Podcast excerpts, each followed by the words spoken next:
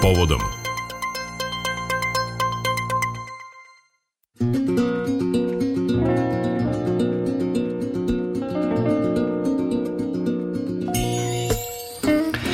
Više od 65% učenika koji su učili uz rad odmah dobije posao. Najavile su i ovo su najnovije analize dualnog obrazovanja u Srbiji.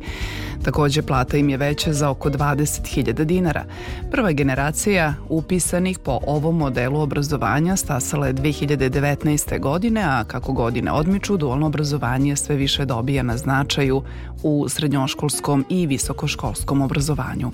O prednostima takvog vida učenja, iskustvima i planovima u budućnosti razgovaramo sa VD direktora Kancelarije za dualno obrazovanje, profesorom doktorom Gabrielom Grujić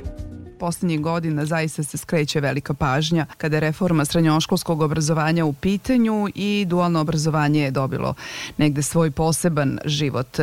Koje su prednosti evo u ovom trenutku? Da li možemo jasniju sliku da imamo kada je dualno obrazovanje u pitanju? Hvala puno na ovom dragocenom pitanju, e, zato što smatram da je mladima kada se opredeljuju za svoje buduće zanimanje, odnosno određeni nivo daljeg nastavka školovanja, bilo ono sred, na nivou srednje škole ili nivou visokog obrazovanja, moramo nekako predočiti šta je to što njih čeka kroz sistem obrazovanja, šta je to što zapravo oni očekuju od obrazovanog sistema i šta je to što će zajedno sa sticanjem svoje diplome kada je karijerni put dobiti od kvaliteta, odnosno zaštite kvaliteta obrazovanja.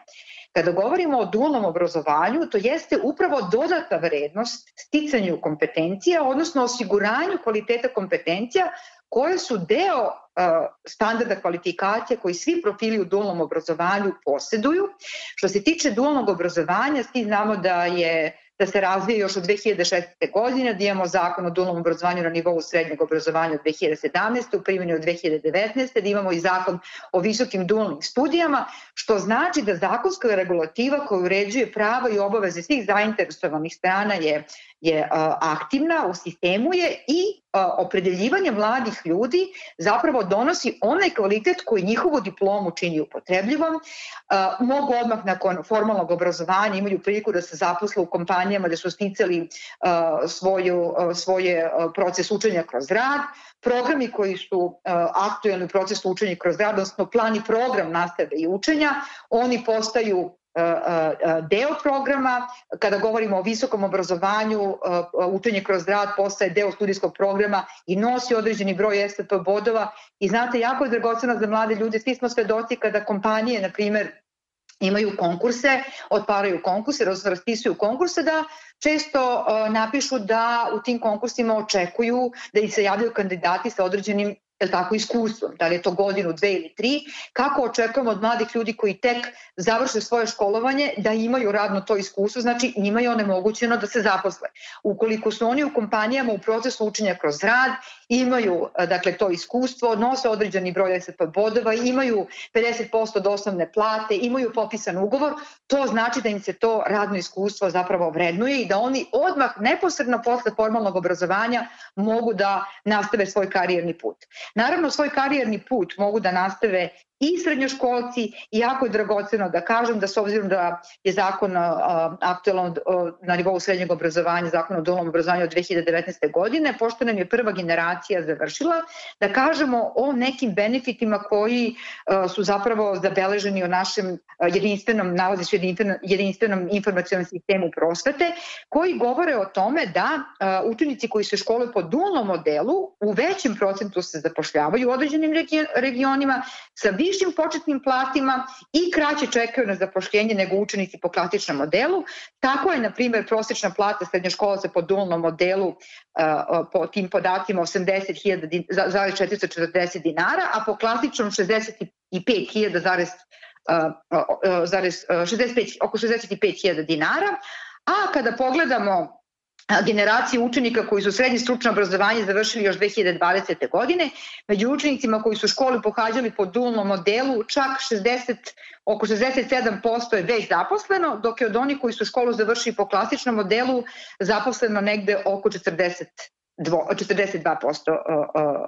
srednjoškolaca, što znači, pogledajte u procentima koliko je to značajna razlika u startu, a govorimo o profilima trogodišnjim, da su mladi odmah nakon formalnog obrazovanja uspeli i da se zaposle i da imaju značajno veće plate. Što se tiče svih ostalih kvaliteta koje nude dualno obrazovanje, to pre svega jeste mogućnost da odnosno obaveza koja je zakonom regulisana da svi profili imaju izrađene standarde kvalifikacija. Njih će narodne školske godine biti uh, 72. Po dualnom modelu, naravno, što znači da su zagarantovani ishodi i da ti ishodi kada mladi uče na dva mesta su njihovom diplomom zaista i uh, valorizovani, oni su zaista istečeni i to znanje oni mogu da primenjuju jer mi zaista živimo u veku, u 21. veku kada ne možemo govoriti samo o značaju i vrednovanju uh, teorijskih znanja, teorijska znanja kao majka znanja da, koja su preduslov, koja su obavezna, ali ako nema sinergije sa razvojem veština, mi na taj način ne pratimo savremeni tehnološki razvoj. Ako kažemo savremeni tehnološki razvoj, onda moramo govoriti o kompanijama. Svedoci smo da u Srbiji e, je sve više kompanija koji imaju zastupljene visoke tehnologije, koji imaju, dakle mi moramo da referišemo obrazovanje u skladu sa uh, potrebama automatizacije, zelene agende, digitalizacije, to su naši naredni koraci na koje kojima ćemo zaista uh, u Kancelariji za dualno obrazovanje nacionalnog okvir kvalifikacija raditi, kako bismo dalje unapredili i osigurali kvalitet obrazovanja, a sve sa ciljem brže zapošljivosti i naravno odgovora mladih ljudi na izazov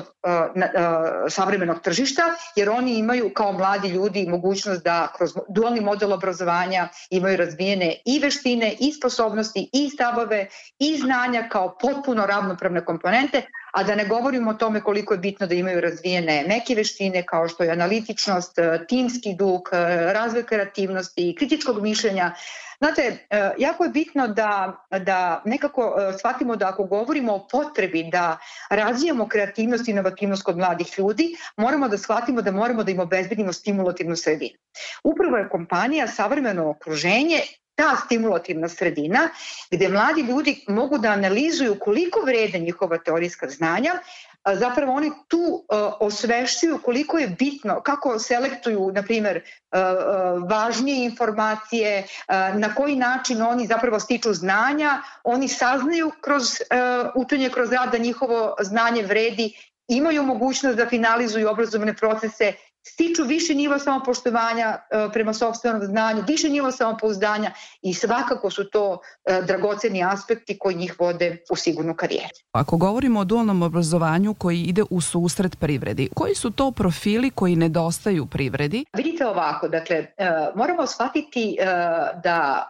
obrazovanje je sada ozbiljan obrazovni partner privredi. I kada govorimo o tome šta je potrebno privredi, mi ne možemo vršiti klasifikaciju koja se odnosi odnosi samo na određena područja rada, nego govorimo o zastupljenosti na celoj teritorije Srbije koja se naravno od regiona do regiona zaista i razlikuje. Ono što je bitno da kažem to je da u tom aspektu upisne politike koja je zaista jedan dragocen dokument koji je izradilo Ministarstvo prosvete koji je zaista u prethodnom periodu vrlo intenzivno radio na razvoju dualnog obrazovanja, a sada je osnovana kancelarija kao služba vlade za dualno obrazovanje i nacionalnog kvalifikacija, upravo da bismo ovaj model koji omogućava sinergiju između teorijskih i praktičkih znanja ovaj, podržali, a naravno kroz sistemske zakone na nivou srednjeg i visokog obrazovanja postoji izjava o nameri kompanije, postoji zakonom regulisana procedura, na primjer na nivou srednjeg obrazovanja, gde zapravo predstavnik kompanije popunjava izjavu o namera, namerama koja naš partner Privredna komora Srbije prikuplja, dostavlja Ministarstvu nadležno za obrazovanje, dostavlja Kancelariji za dualno obrazovanje i tako se planira upis svake godine. Što znači da se sada vrlo intenzivno promišlja koji su to profili, na kojim profilima treba da insistiramo da ih modernizujemo, da možda povećavamo fond sati, koji su to novi izazovi, koji su to novi profili i mi se zaista svake godine zapravo pravimo taj jedan novi sklad između privrede i obrazovanja, da zapravo takve profile koji jesu realna potreba privrede nudimo u našim e, školama. Naše škole u ovom trenutku uključenih u obrazovanje ima preko 150, imamo preko 800 kompanija. Ono što je takođe značajan podatak da u, u dualnom obrazovanju na nivou visokog obrazovanja je uh, ono, 10 visokoškolskih ustanova akreditovani 36 studijskih programa što modula, što osnovnih programa, što osnovnih programa I ono što je dragoceni podatak jeste da broj studenta intenzivno raste i da se u našem jedinstvenom informacijalnom sistemu, sistemu pojavio broj od 4000 studenta. Ako se rukovodimo činjenicom da je dualni model studija ili dualni model obrazovanja dobrovoljen, to znači da nam i mladi na visokom obrazovanju prepoznaju kvalitet ovog obrazovanja i zaista su shvatili da im ovakav model otvara vrata u privredi. Još jedan benefit koji nam ukazuje na to da je privreda na potezu da nam ukaže koji su to opisi poslova savremeni da bi mlade, e, da bi njihov e, kvalitet obrazovanja uskladili sa savremenim tehnološkim razvojem,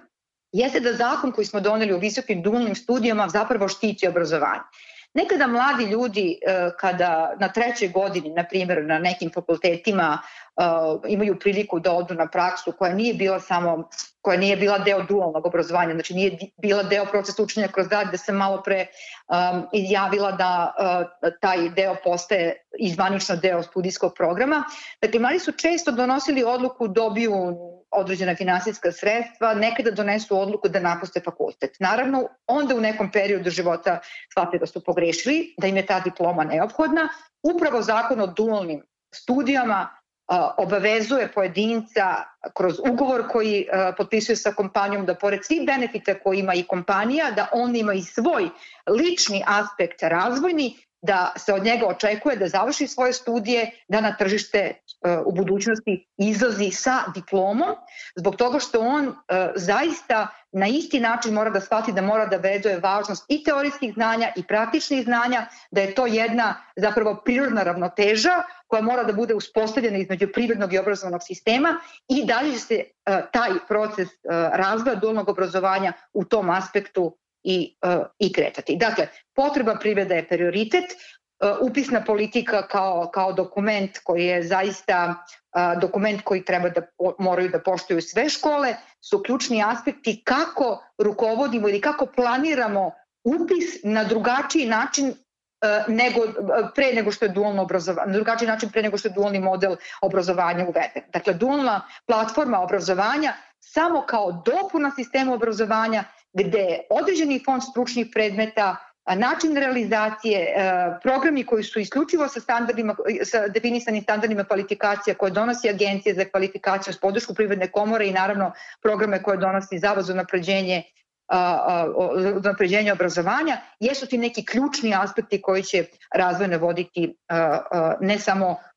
održivost kompanija, ne samo mogućnost zapošljavanja mladih ljudi u tim kompanijama, nego i inovativnost srpske privrede, kako domaće, tako i strane. Spomenuli ste sticanje diploma i u e, procesu rada, pa moje sledeće pitanje je e, kako je prošlo pilotiranje postupka priznavanja prethodnog učenja za odrasle? Pa e, prvo bih rekla da je jako bitno da e, Kancelarija za dualno obrazovanje e, ima jedan, kako da kažem, potpuno drugačiji koncept saradnje sa privredom nego što je to do sada bio. U kom kontekstu? Dakle, smatramo da obrazovni sistem postaje obrazovni, ozbiljan obrazovni partner, odnosno provider i podrška privredi Samim tim što s podršku vlade Republike Srbije formiramo 12 trening centara, to znači da podržavamo i razvoj formalnog, ali i neformalnog obrazovanja kako bi privreda na različite načine došla do obrazovnih kadrova. Kao što svi znamo, postoji određena populacija, određeni znači, ljudi koji u vreme svog formalnog obrazovanja ili nisu stekli određeni nivo formalnog obrazovanja iz različitih razloga, ali su imali priliku da rade u određenim kompanijama za, ta, za te svoje kvalifikacije oni nisu imali nikakav dokaz, što znači ukoliko završe jedan posao određene kompanije, oni nisu bili mobilni na tržištu rada, zato u skladu sa zakonom o nacionalnom okviru kvalifikacije smo doneli pravilnik o priznavanju prethodnog učenja kao jedan vrlo dragoceni dokument koji će, od koga očekujemo da u budućnosti uh, zaista učini uh, mobilno, mobil, podrži mobilnost radne snage na tržištu. Što se tiče rezultata, akreditovano je uh, priznavanje, postupak priznavanja prethodnog učenja je akreditovan u četiri pilot škole, to su Politehnička škola iz Subotice, Tehnička škola iz Vlasotice, Tehnička škola Drvo Art iz Beograda i Gostovijska škola Čajetire sa ukupno 11 programa. Moram da iznesem podatak da Politehnička škola iz Subotice je zapravo sprovela postupak priznavanja prethodnog učenja sa čak 69 kandidata, zanimanje u oblasti građevinarstva. Zamislite koliko je to dragoceno kada ljudi na određenom nivou NOX-a mogu da steknu određene sertifikate. Naravno, moramo da shvatimo da kada govorimo o priznavanju prethodnog učenja ne govorimo o diplomi, nego govorimo o sertifikatu na određenom nivou NOX-a i to je ta razlika između, ključna razlika možda između formalnog i neformalnog obrazovanja, ali svakako mogućnost da ljudi dokažu da imaju određene određene kompetencije ili makar deo kompetencija i ono što možemo da kažemo da će taj dalje razvoj implementacija postupka biti e, strateško opredeljenje politike obrazovanja u narednom periodu, da se on nalazi u akcijnom planu za implementaciju strategije za razvoj obrazovanja 2030, da će u narednom periodu raditi na napređenje mreže jedinstveno priznatih organizatora naravno sve u skladu sa potrebama tržišta rada i obrazovanja odraslih i da ćemo pružati podršku i ustanovama u postupku akreditacije da bi što više ustanova stekli je tako, uh, mogućnost da svi ljudi koji su zainteresovani da budu mobilni na tržištu radne snage da steknu i sertifikate. Dakle, to ono što je nova dragocenost, da vršimo sinergiju između formalnog, neformalnog i informalnog obrazovanja kako bismo svim pojedincima omogućili kako se oni opredeli u skladu sa tim da dobiju određene sertifikate za ona znanja koja pokažu. I evo, za kraj pitanje je, kažete 800 kompanija, 150 škola koje su negde u ovom pa rekla bih sistemu dualnog obrazovanja. Šta očekujete u budućnosti i da li ste vi zadovoljni dosadašnjim radom ili kojim tempom napredujete? Evo ovako, e, ja sam od onih koji kažu da uvek može bolje. E, zaista u ovom trenutku mislim da je komparativna prednost Srbije u odnosu na druge zemlje upravo zbog toga što ima vrlo uh, utemeljen uh, sistem dualnog obrazovanja, ne samo kroz zakonsku regulativu, nego i kroz ove podatke. Očekujem da će se mnogo više mladih opredeljivati za ovaj model na osnovu ovih podataka koje imamo, je tako, na osnovu rezultata iz prve generacije, da ćemo što intenzivnije raditi na promociji, da ne treba da govorimo samo o broju kandidata, dakle o broju kompanija i broju učenika i broju polaznika, nego moramo da govorimo i u samom unapređenju kvaliteta programa koje nudimo, Ako na tome budemo intenzivno radili, mislim da će Srbija biti jedan od najozbiljnijih evropskih partnera i da će onako kako već to kompanije, kako, smo svedoci da u poslednjih, na primjer, 3 do 4 meseca imamo u različitim oblastima industrije dolazak i otvaranja kompanija sa najsavremenijim industrijama u razvoju avioindustrije, autoindustrije i tako dalje, da će Srbija upravo ostvariti onu komparativnu prednost upravo zbog toga što će omogućiti da a, ima kapaciteta da izradi najsavremenije programe, a da će i studenti i srednjoškolci prepoznati a, a, kvalitet tih programa upravo zbog toga što mogu u tim kompanijama i da rade. Znate, rekla bih za kraj, nekako naši mladi čini mi se u razgovoru sa njima da kada započnu svoje školovanje uvek nekako misle da postoji obećana zemlja, čini mi se da su oni veliki patriote, mislim da dualno obrazovanje podržava i taj aspekt, mislim da podrška vlade Republike Srbije i samog predsednika ide u susret tome da mladima u Srbiji omogućimo karijeru u najsavremenijim kompanijama ne samo Evrope nego i sveta, a samim tim da mogu da pokažu da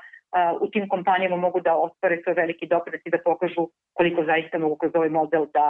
inoviraju sistem tih kompanija da ih čine drže. I da grade karijeru naravno u svojoj zemlji, to je ono što je najvažnije. Profesorka Grujić, hvala vam na razgovor. Hvala vama. Povodom